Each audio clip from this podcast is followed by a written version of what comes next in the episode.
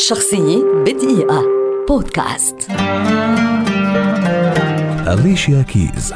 مغنية كاتبة أغاني ملحنة وممثلة أمريكية شهيرة ولدت عام 1981 وتعد واحدة من أبرز نجمات الغناء في العالم ومن أكثرهن رواجا وتحقيقا للمبيعات.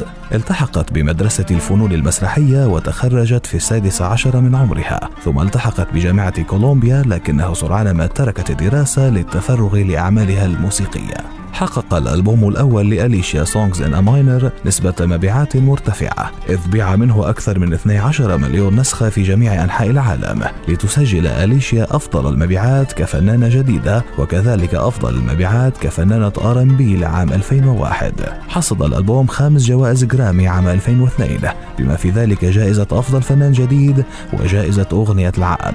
أصدرت ألبومها الثاني The Diary of Alicia Keys عام 2003 فحقق بدوره نجاحا في جميع أنحاء العالم وبيع منه ثمانية ملايين نسخة وحصد أربع جوائز جرامي إضافية عام 2005 وفي وقت لاحق من العام نفسه أصدرت أول ألبوم عن حفلة مباشرة Unplugged والذي أصبح الألبوم رقم واحد في الولايات المتحدة. قدمت أليشيا فيلمها الأول Smokin' Aces عام 2007 كما ظهرت في فيلم The Nanny Diaries في العام نفسه وأصدرت ألبومها الثالث Am الذي بيعت منه 6 ملايين نسخة في جميع أنحاء العالم وفازت عنه بثلاث جوائز جرامي إضافية. وفي السنة التالية ظهرت في فيلم The Secret Life of Bees خلال مشوارها الفني حصدت أليشيا إذا عددا هائلا من الجوائز وباعت أكثر من 30 مليون ألبوم في جميع أنحاء العالم مما جعلها واحدة من من أبرز نجمات العالم خاصة في السنوات الأولى من الألفية الثالثة.